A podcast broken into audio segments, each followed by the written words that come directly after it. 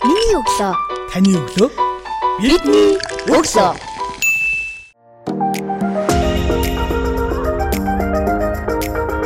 Сонсогч танд шинэ 7 хоногийн өглөөний мэндийг хүргэе. Миний өглөө сурал подкастын ээлж дугаар танд хүрч байна. Өнөөдрийн дугаартаа бид глобал удирдагч дээд сургуулийн ерөнхийлөгч Харвард их сургуулийн төгсөгч Отгонбаттай ярилцж байна. Танд өглөөний мэнд хүргэе.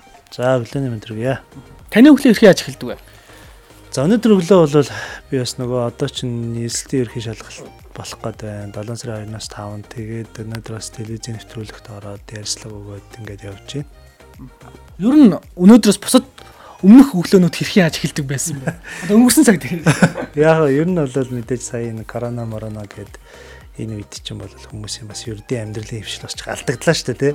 Айгүй гээл ажиллаж исэн осооч сүүл рүүгээ ингээл нөгөө босх юмнууд нь ритм нь алдагтаад тэр нь бол би тэгэл өглөө босоод ондоо угаал тэгэл ер нь сургууль руугаа л гарч байгаа л да. Ер нь бол гол цаг хугацаа сургууль дээр өнгөрөх багш нартайгаа уулзах. За тэгээд эсэл сургалтын хөтөлбөрүүд явах. Айгүй олон сэдвээр ярилцсан хэлцдэг тий. Өглөө босоод хамгийн түрүүнд хийдэг дадал зуршлаас үйлдэл байгаа юу? Ер нь бол өглөөний цайгаа л ууш шүү дээ. Өглөөний цайгаа уух хэвээр тэгээд мэдээж жаахан мэдээ те харна. За зарим үед бол бас ном би бас нэлээ олон номнууд ер нь ном уншдаг те ном харж जैन хэд хэдэн би ч нэг англи дээр шууд ном уншиж байгаа учраас тэгээд сүүлийн үед гарч ирсэн гайгүй гайгүй номнууд те тэд нарыг нэлээ харж जैन. Одоо тэгээд миний сүүлийн сүүлд уншиж байгаа тэр ном хүн төлөвтний түүх Хамадуйс гэж юу мүү гэл нэг тиймэрхүү чиглэлийн New York Times bestseller гэдэг одоо яг л нэг онгоцны бодол дээр ингээл очиход нэг ингээл хамгийн их борлогдсон номнууд гэдэг дээрээс би тэгэл ерөөдөө сонирхлынхаа дагуу номнууд уншиж байгаа. Тэгэхээр ном унших бас айгүй чухал. Энэ өглөө жахан ном харуул арай жоо гоё байдаг. Өдрийн төлөлтөө юун дээр хөтэлдэг вэ? За яг би бол ерөөхдөө тэмдэглэлийн нэвтэр дээр ингээл бичээд явчихдгийг юм. Ингээл за өнөөдөр нэг тим тим тим тим ажлууд гэн ингээд нэг ингээл ингээл явчихна. 7 хоногт ер нь хичнээн ажлыг амжуулж байна.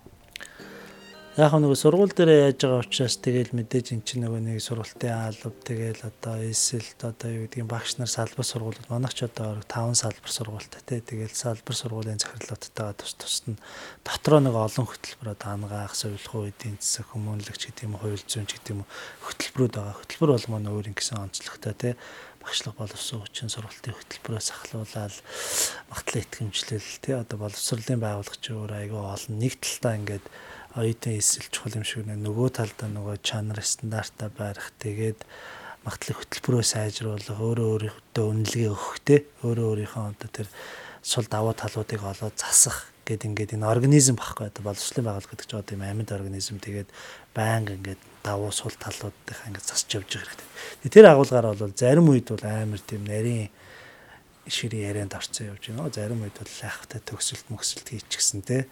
Гэл ер нь бол айгүй олон талд ажиллахыг шаарддаг. Яг одоо ямар ажил дээр төвлөрч ажиллаж байгаа вэ? Одоо мэдээж бид нар чинь сая бол ингээл өвлж ингээл корона морона гээл ингээл онлайн бидний чинь бас айгүй том сорилт байлаа шүү дээ. Корона гээл ингэнгүүт бид нар чинь бүгд нэг онлайн систем рүү шилжиж байгаа байхгүй. Тэгэл Zoom, Neo гээл бид нар чинь 4 5 платформ дээр ингээд хичээл заагаад эхлэхээр би ч өөрөө бас багш хийж байгаа хүний хувьд хүнээс өөрөөс нь илүү их бэлтгэхийг шаардж байгаа байхгүй илүү одоо хичээлээ илүү сонирхолтой болгох тэгээд онлайнаар хүмүүс ч бас хичээл сурах гэж бас нэг аппликейшны татгаас ахвалал хүмүүст бол маш их том дижитал литераси гэж ярьж байгаа. Тэр дижитал орчныг тэр ур чадварыг сурахыг шаардж байгаа байхгүй. Тэгээ сая бол ихэнх бизнесүүд энэ коронавигийн үеийн эдийн засаг бол маш хүнд байл шүү дээ. Америкийн том том компаниуд дампуурлаа гэпүүд хааж гин гэж. Гэхдээ миний мэддэг одоо гоё гоё орох хөстө дэлгүүрүүд чи бүгд байна.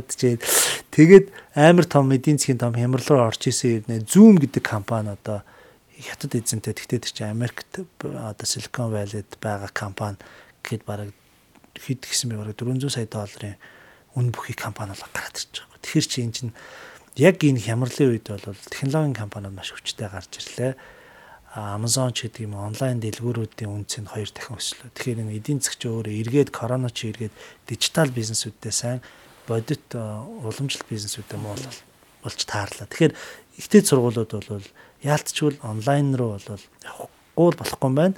Virtual learning одоо одоо тэг заавал ингээл ангид орж суугаал заавал нэг юм байшин бариад ч юм уу хэдэн хүүхдийг тийм ташаад хасаа илүүтэйгээр яаж бид нар контентоо хурдан хугацаанд үр дүнтэй үү те одоо цаг хугацаа тэр газар зүйн байршаас үл хамаарж байгаа байхгүй. Тэгэхээр бол цаашдаа бол дээд улсын байгууллага бол зөвхөн Монгол гэхгүй бид нар цаашдаа Солонгос, Хятад, өөр Монгол гэл ингээл дэлхийн зах зээл рүү хөтөлбөрөө гаргах юм л одоо сорилт руу орж байна. Одоо сая таны ярьснаар уламжлалт бизнесийн арга барилаар ажиллах компаниуд ампуураад дижитал орчинд одоо технологийн компаниуд илүү одоо өндөр түвшинд ажиллаж байна гэж хэлж. Яг үнтэй адилхан сэтгүүл зүйн салбарч уламжлалт медиа хүмүүдэж дижитал медиа илүү их одоо тухайн залуу үеийн уншигчдын сонсогчдын одоо анхаарлын төвд бол байж лээ л да. Тэгэхээр та сая хөтөлбөрийн шинжилгээг цаг ямагт хийдэг гэлээ шүү дээ. А миний асуух байгаа нэг асуулт бол а би танаас ярьсан хохоо өмнөөс сургалтын хөтөлбөрийг судлаа харлаа. Тэгэхэд бас та өөрөө Харвардд төгссөн. Харвардын сургалтын хөтөлбөрийг жишг болгож оруулж ирсэн байсан л да. Тэгэхээр тэр хөтөлбөрөө манай сонсогчдод бас дэлгэрэнгүй бас танилцуулж яриач яг юугаараа онцлог давуу талтай байна. Та сургуулийнхаа оюутан залуучууд энэ хөтөлбөрийг хэрэгжүүлээд ямар байдлаар хүлээж авч ирнэ үр дүн энэ өөрчлөлтийг бодит өөрчлөлтөөс яриач. Тэгэхээр миний хувьд нөгөө Харвард ч дотроос олон салбар 11 салбар сургууль байгаа ш. Тэрэн дотроос Kennedy School of Government буюу одоо төрийн удирдлагын John F Kennedy-гийн нэрмж төрийн удирдлагын сургууль та нэг жил суралцсан. Одоо магистрийн MPA гэдэг одоо нийтийн удирдлагын магистрийн зэрэг хамгаалсан байгаа. Тэгээд тэнд очиход бол мэдээж нөгөө одоо Kennedy School бол тэр чигтээ ингээд төрийн удирдлага, нийгмийг өөрчлөх, нөгөө social value буюу жаахан тийм нийгмийн үнэт зүйл ихтэй тийм мөрөөдлөгтэй хүмүүс цугтах газар байхгүй. Тэгээд ерөнхийдөө тэнд очиод миний хувьд бол мэдээж нэг талаас төрийн удирдлага Монголын хөгжил хаашаа явах хэвээр ер нь Монголын хөгжлийн гарц юу юм гэдэг нэг юм судалгааны асуулттай нөгөө талаас Харвардын онцлог юу юм те Харвард өөр яагаад ингээд сүүлийн 30 жилийн хугацаанд топ одоо их сургуулиудын чигсаалтанд байнга тэргүүлж ирж байгаа нь те. Тэгэхээр сүүлийн хэдэн жилүүд Оксфордод алдчих шиг. Гэхдээ бол ерөөд яагаад ингэж байгаа. Тэгээд яг ингээд Kennedy School-ийн онцлогийг ингээд хавраад үзэхэд тэндээс миний хувьд нэг хоёр глобал удирдагч дээд сургууль гээд глобал удирдагч гээд лидершип гэдэг үгийг бид нар сургуультаа бас бодлогоор ингэж нэрлсэн байгаа. Тэр бол өөрөө тэр манлайлах ур чадвар тэр манлайл гэдэг бол 21-р зуунд хамгийн чухал тэр ур чадвар болж юм л да. Яагаад тэгэхээр За тэгээ би ямар хичээл үзсэн бэ гэнэ хоёр төрлийн хичээл үзсэн. Нэг нь болохоор тэр жихэн манлайлал гэдэг authentic leadership гэдэг энэ хичээлийг үзлээ. Дээрээс нь Ronald Heifetz гэдэг бас аюу алдартай багшийн тэр adaptive leadership буюу яг хичээлийн нэр бол өөрчлөлтийн улс төр гэж байгаа байхгүй. Манлайллыг одоо хэрэгжүүлэх нь манлайллыг тэ тийм нэртэй. Ингээд энэ хоёр хичээлийг үзээд үзэхэд бол миний хувьд бас маш гүн гүнзгий өөрчлөлтийг одоо сэтгэлгээний өөрчлөлт хөтөлбөрийн хувьд маш их таалагдсан. Тэгээд хурж ирээд яасан гэхээр 2016 онд төгсөөд хурж ирээд ерөөсөө манай бүх оюутнууд магистр бакалавр бүх төвшөнд энэ authentic leadership буюу ALD буюу энэ жихэн манлайллын хөтөлбөрийг зохицон манлайллын хөтөлбөрт хавсарсан юм сургалтын хөтөлбөр боловсруулж сургасан. Одоо тэг өнөөдрийн байдлаар бол манай оюутнуудын хамгийн их үзэг туртай хичээлийн нэг болж чадсан ба. Тэгээд Харвардын Монголын ер нь босод сургуулиуд зөвхөн монголч гэхгүй юм чинь дэлхийн босод сургуулиудаас юугаараа ялгаатай вэ гэхээр Харвард бол цэвэр тэр кейс сургалтын аргачлал байна. Кейс сургалтын аргачлал гэдэг бол бодит одоо нэг онлын мэдлэгийг өгтөө одоо ийм маркетингийн 4P гэж нэг ийм байдаг гэд яриад хаас илүүтэйгээр яг нэг маркетингийн чиглэлээр амжилт гаргасан Apple компани кейсийг уншаал тэр кейс дээрээс одоо оюутнууд өөрсдийнхөө үнэлт өгүүлтийг бол энэ компани ийм учраас амжилт гаргасан байна. Ийм учраас амжилт гаргаагүй байна гэдэг бодит кейс дээр ярьж байгаа учраас онлайн мэдлэг аягүй гүнзгий одоо орж өгдөг. Тэгээ энэ манлайлалын хөтөлбөр дээр харж байгаа жишээл одоо ингээл миний амьдралын замналч гэдэг юм уу өөрийгөө алдахгүй яаж байх юм, үнэт зүйлтэй яаж байх юм, цаашдаа бусдыг хэрхэн манлайлалт хөтлөх ч гэдэг юм бол 12 цоврал сэдвүүдийн төвшөнд ярьж байгаа байхгүй эхний хэсэг. За энэ төвшөнд бол ингээд оюутнууд маш их өөрчлөгддөг. Одоо өөрийгөө олдог, зарим нь та нулимс унгадаг те ингээд багаар ажилтдаг хамгийн гол асуудал энэ бас хөтөлбөрийн Харвардын бас нэг онцлог юм бол намайг очиод ерөөс ингээд байнгын 10 10 баг баг дотор өөрийгөө илэрхийлдэг те баг дотор уйлдаг баг дотор эмоц гаргадаг, хоорондоо нөхрөлдөг. Одоо тэг өнөөдөр ч гэсэн төгсөөд ч 4 жил болцсон байхад манай одоо тэр LDG буюу тэр манлайлалын хөгжлийн багийнхан бол өнөөдөр ч гэсэн холбоот хоорондоо ингээл уулзалтаал юу айцхан. Тэгэхээр тэр сургууль гэдэг бол өөрөө их сургуулийн одоо орчин, их сургуулийн боловсрол гэдэг бол тэр хүн нэг талаасаа задрах, нөгөө талаасаа тэр нөхөрлөлийг бий болгох, тэр нөхөрлөл дээр дамжуулж дараагийнх нь одоо бизнесийн дараагийнх нь карьерийн амжилт явдаг. Тэгэхээр тэр одоо манай ангид чинь тэр Mason хөтөлбөрт чинь нэг 90 гаруй хүн хүн байхад одоо манай ангийнх ихэнх нь ингээл зарим нь эрүүл мэндийн сайд болцсон байна. Зарим нь их хурлын гишүүн Английн одоо парламентт нэг нь ингээл сонгогдлоо ингээл манай ангийнхан дотор зарим нь баг нэг улсын ерөнхийлөгч болж их шүү. Ингээд манай ангийнхан дотор бол тэр нөгөө маш их амбицтай, дээрээс нь асар их суралцах тэр мотивашнтэй, мотивацтай дээрэс нь ингээд зорилго нь амар тодорхой болсон юм хүмүүсийг нэг одоо анги дотор оруулж ирээд ингээд шигшээд тэднийг ингээд сургана гэдэг бол Харвардын гол онцлог бол тэр нөгөө шилдэгүүдийг авчираад шилдэгүүд чинь гараа шилдэг л байж тээ гэдэг зарчмаар бол явах хэрэгтэй юм билээ. Монголын дээд боловсрогч гэснээр тэгэж явах хэрэгтэй. Тэгэхээр энэ хөтөлбөр маш амжилттай хэрэгжиж байгаа. А зохицон манлайлалын хөтөлбөр бас одоо энэ магистрийн ангийн оюутнуудад маш их орж байгаа би одоо тэр сая бол зүүмээр би орны 250 оюутанд хичээл ороход зохицон манлайлалын хичээл маш их таалагдсан. Ягаад тэгэхээр нөгөөдөл чи яг өөрийнхөө амьдралд тохиолдсон тэр сорилтуудыг одоо кейс анализ хийдэг байхгүй. Тэгээ ерөнхий боловсролын сургуулийн багш нар багш нар ингээл энэ кейс анализ хийгээл ингээл харахад бол маш их өөрчлөлтүүдийг авчирдаг. Тэгээ ер нь явж явж бол хүн ингээд өөрөө өөрийнхөө алдаа дутагдал өөрөө өөрийгөө л таних л тэр процесс өөрөө боловсролын хамгийн чухал юм билээ. Тэгэхгүй бол хүн ингээд өөрөө өөрийнхөө алдаатай сул талуудаа харахгүй ингээд урагшлаад хахаар нэг хэлбэрт ингээд яваад байдаг те.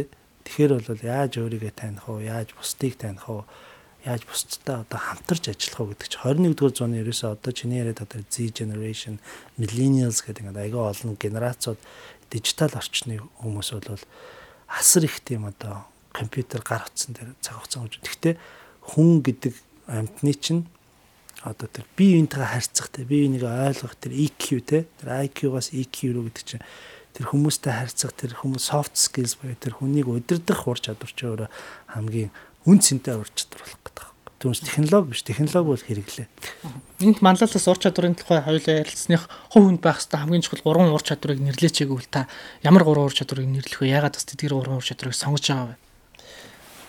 Яг хүн бол миний зүгээр ингээл амьдралын туршлага одоо ингээл хийж байгаа зүйлсээс бол нэгдүгürt бол харилцааны ур чадвар аягүй чухал. Одоо өөрийгөө илэрхийлэх, тэ задгаа сэтгэх өөрийг ингээд хүмүүст нөлөөлөх ур чадвар айгуу тэр юу англи хэлээр empowerment гэж байгаа. Хүмүүст ингээд нөлөөлөх одоо дэлхийн том одоо мундаг хүмүүс одоо сая бол Америкт амар боллоо шүү. Саяны тэр George Floyd ингээл тэ цагдаа нар ингээл тэгэл Америкт аяар тэр аимшигтай эмх замбараагүй байдал үүсгэхэд өнөөдөр бол жишээл Дональд Трамп гээл Барак Обама гээл хоёр ерөнхийлөгчийг харьцуулах. Өнөөдөр бол Барак Обама гэдэг хүн бол маш их тийм EQ өндөртэй маш их хүмүүст нөлөөлөх чадвартай чин сэтгэлээсээ зүрх сэтгэлээсээ холбогдож чадж байгаа юм. Тэгэхээр нөгөө хүмүүстэй холбогдох тэр ур чадвар хүний зүрх сэтгэлийг унших ур чадвар тий. Тэгээ бид нар ч гэсэн ингээд өчтөр сонгуулийн үр дүн гараад ингээд сонгуультлаа тий.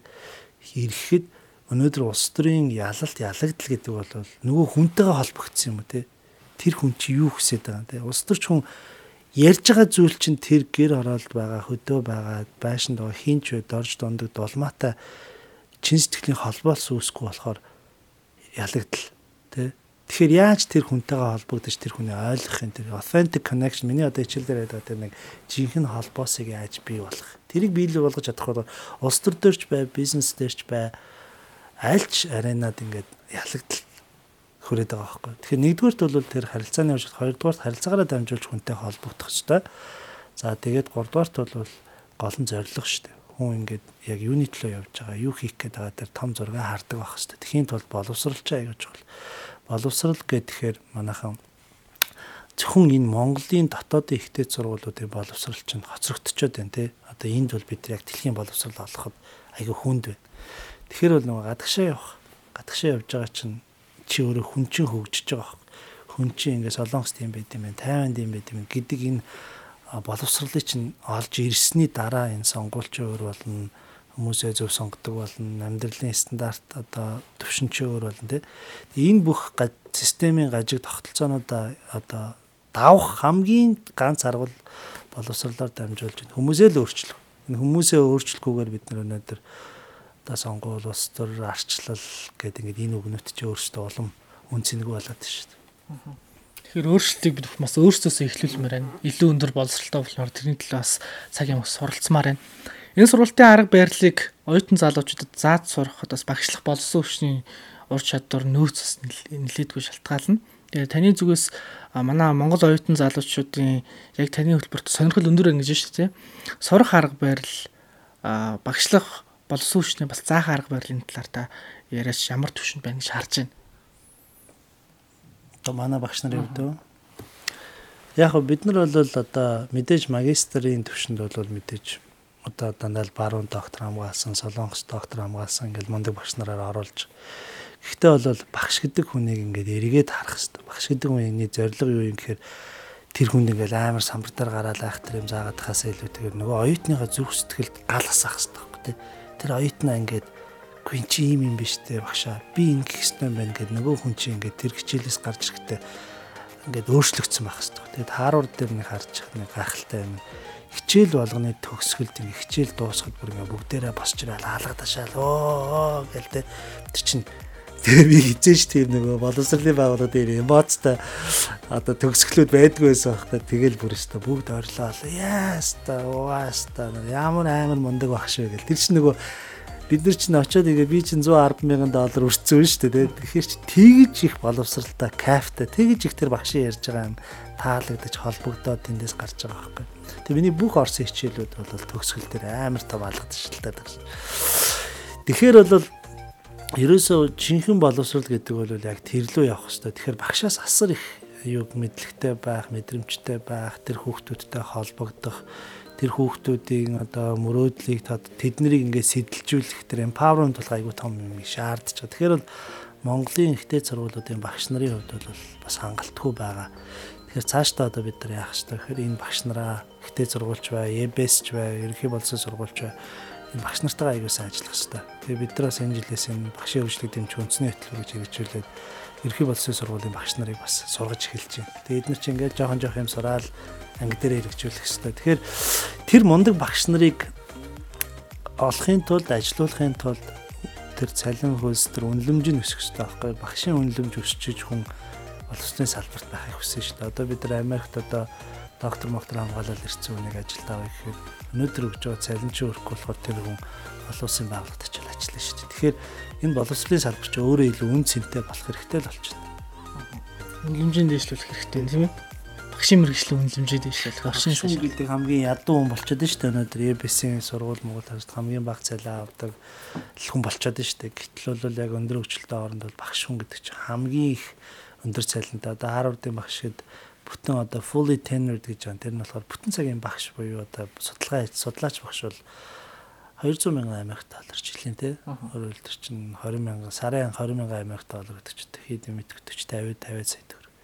Нийт цалинтай байж иж тэр багшаас тэр асар өндөр өндөр цалинтай асар өндөр хүлээлт байгаа байхгүй. Тэгэхээр тэр багш чинь дан ганц тэр хичээл заахаас гадна хідэн ном гаргацсан одоо тий одоо манай нэг багшаас би асууж та нэг Монголд ирээд лекц уншаад өгөөч гэсэн чинь хинээж явах яасан бэ гэсэн чи намайг өдөрт хэдэн төрөнд дээр лекц уншдгийг мэдхүү гэдэг юм мэдхгүй шүү дээ гэсэн чи Microsoft-д тэр багшийг бол өдрийн 70 мянган доллараар.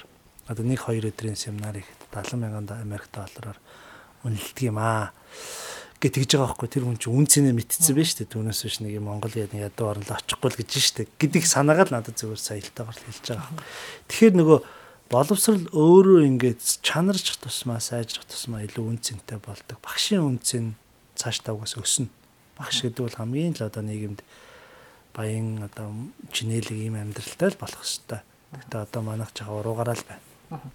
За багшийн заах арга барил, ур чадварын талаар нэлээдгүй ярьлаа. Оюутан сурагч залуучуудын хувьд сурах арга барил таны одоо оюутан ахуудаа суралцсан анги хамт олонны дундаас ялгарх онцлог нь юу байгаад байна? Яг орчин цагийн залуучуудын сурах арга барилдаа давуу болон сул талтай зүйлүүд нь байна. Багшийн хувьд ажиглалтаар хэлж. Ялангуяа Монгол оюутны жишээн дээр. Яг хоо бид нар ч юм бол би ч одоо 79 оны хүүхэд шүү дээ. Тэгэхээр чин 70-ад оны үед бид нар ч бол хагас бас ингээл нэг те дээрвийн систем ингээл явсан мэдээж арчил гээл ингээл өөрчлөлтийн үед явсан болохоор картны барааны үе хөгтөөд шүү дээ. Тэгэхээр чи бид нар ч бас өсөж үтсэн тий. Тэр картны бараанд очролж үтсэн 100 айлд би одоо картны бараан талах масалтай үеийг санаж ин тий. Бидний хувьд бол нөгөө бас хүнд юмнаас гарсан учраас ялч сурах хэвээр тэгжиж нөгөө аав ээжээсээ илүү боловсралтай болж иж бид аав ээжтэй бахархаа тий Монгол мөрөөдөлтэй Монгол мөрөөдөл гэж юу юм гэхээр Америк мөрөөдөл гэж юу гэхээр аав ээжээсээ илүү амьдрах. Монгол мөрөөдөл адилхан шүү дээ. Бид аав ээжээсээ илүү амжилтанд хүрэхийг тэмүүлэх хэрэгтэй тий. А одооны хүүхдүүд бол энэ Z-Gen millennials гэж хэлээд байгаа энэ одоо дижитал орчны хүүхдүүд бол яг судалгаагаар харахад бол илүү бие даасан, илүү өөрийн гэсэн бодолтой илүү мэдээлэлтэй одоо энэ чинь ингэж штэ ЭБС ерхий болсон сургуульч ихтэй сургуульчуу зааж байгаа багш нар ч өөрсдөө энэ хүүхдүүд чинь гологдоод эхэлж шин. Яг тэр эднэр чинь бол нөгөө одоо Cartoon Network үзэж өссөн те англи хэлээр одоо чөлөөтэй баг гэртээ сурцсан те телевиз үзэж байгаа сурцсан интернет Google Google одоо бүх орчинд ингээд ямар ч мэдээлэл гаргаад ирдэг ийм хүүхдүүдэд одоо нөгөө л орс школ нөгөө л дээр үеийнхаа одоо аргачлаар заах юм шууд гологдож эхэл.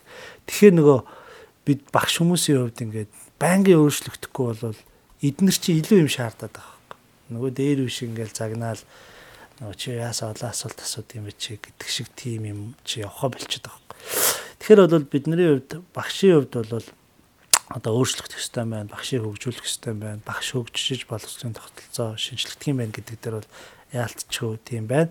За залуучуудын хувьд бол хэл устаа болцсон байна, ийшээ тийшээ явцсан байна. Тэгэхээр илүү илүү зүйлийг шаардж байна. Нөгөө талаасаа бол нөгөө одоо дижитал үеийнхний бас аюултай юм болохоор их тийм хит чөлөөтэй байгаа учраас нөгөө Монгол соёл ах ах захсаа хүнд итгэх травэж те одоо нөгөө багшаа хүнд итгэх тэр тэр чиглэлээр бол бас жаахан хит их глобалчлах гэж нэг сөрөг тал нь эргээд энэ хүүхдүүд чинь бас тийм нэг их оронч үзэл нь жаахан сулраад байгаа мó гэсэн зүгээр миний тийм хандлага байгаа зүгээр ажиглалт байгаа. Биднийг өглөөсөө сонсож байгаа залуучуудаа та юунд уриалах вэ? Би бол ерөөсөө ингээд саяны сонгуулийн үр дүнж бай юмнуудыг ингээд харахад бол нэг л зүйлийг харлаа. Ерөөсөө хин нэгэн хүнд битээ найд те өөрийнхөө ирээдүйг одоо энэ нэг улс төрч ч юм уу энэ нэг хүн ч юм уу эцэг их ч юм уу ингээд намайг сайхан амьдруулчихна гэж бити тийм найд. Ерөөсөө чи яагаад яаж сайхан амьдрах вэ? Яаж амжилттай байх вэ гэхээр өөрийнхөө тэр боловсрол эрдэм мэдлэгтэй л найд. Тэхийн тулд одоо дэлхий рүү зүтгэл гэж байгаа. Дэлхий рүү одоо тэр дэлхийн Харвард, Оксфорд тэр тэр топ сургуулиудад очиж суралцахыг хичээ. Тэнд яг чамтай адилхан одоо топ байхыг хүсэж байгаа, илүү мотивацтай, илүү сурахыг хүсэж байгаа хүмүүстэй танилцсан. Тэгээд та хэд маань Монголоос бол би зүгээр нэг дараагийн нэг Марк Закерберг, Элон Маск ч юм уу Билл Гейтсийг төрүүлчмээр л энийг төрүүлж чадах юм бол яах вэ? Нэг нэг Facebook шиг дахиад нэг компаниг нэг залуу бүтээхэд нэг эмэгтэй бүтээхэд нэг 2 сая 3 сая хүмүүс одоо ард хэрэгтэй хүмүүс их их ажил тавьж шít. Тэгээл энэ хүмүүсийг тижээн гэж ярих юм уу зүгээр яг ажлын байраа.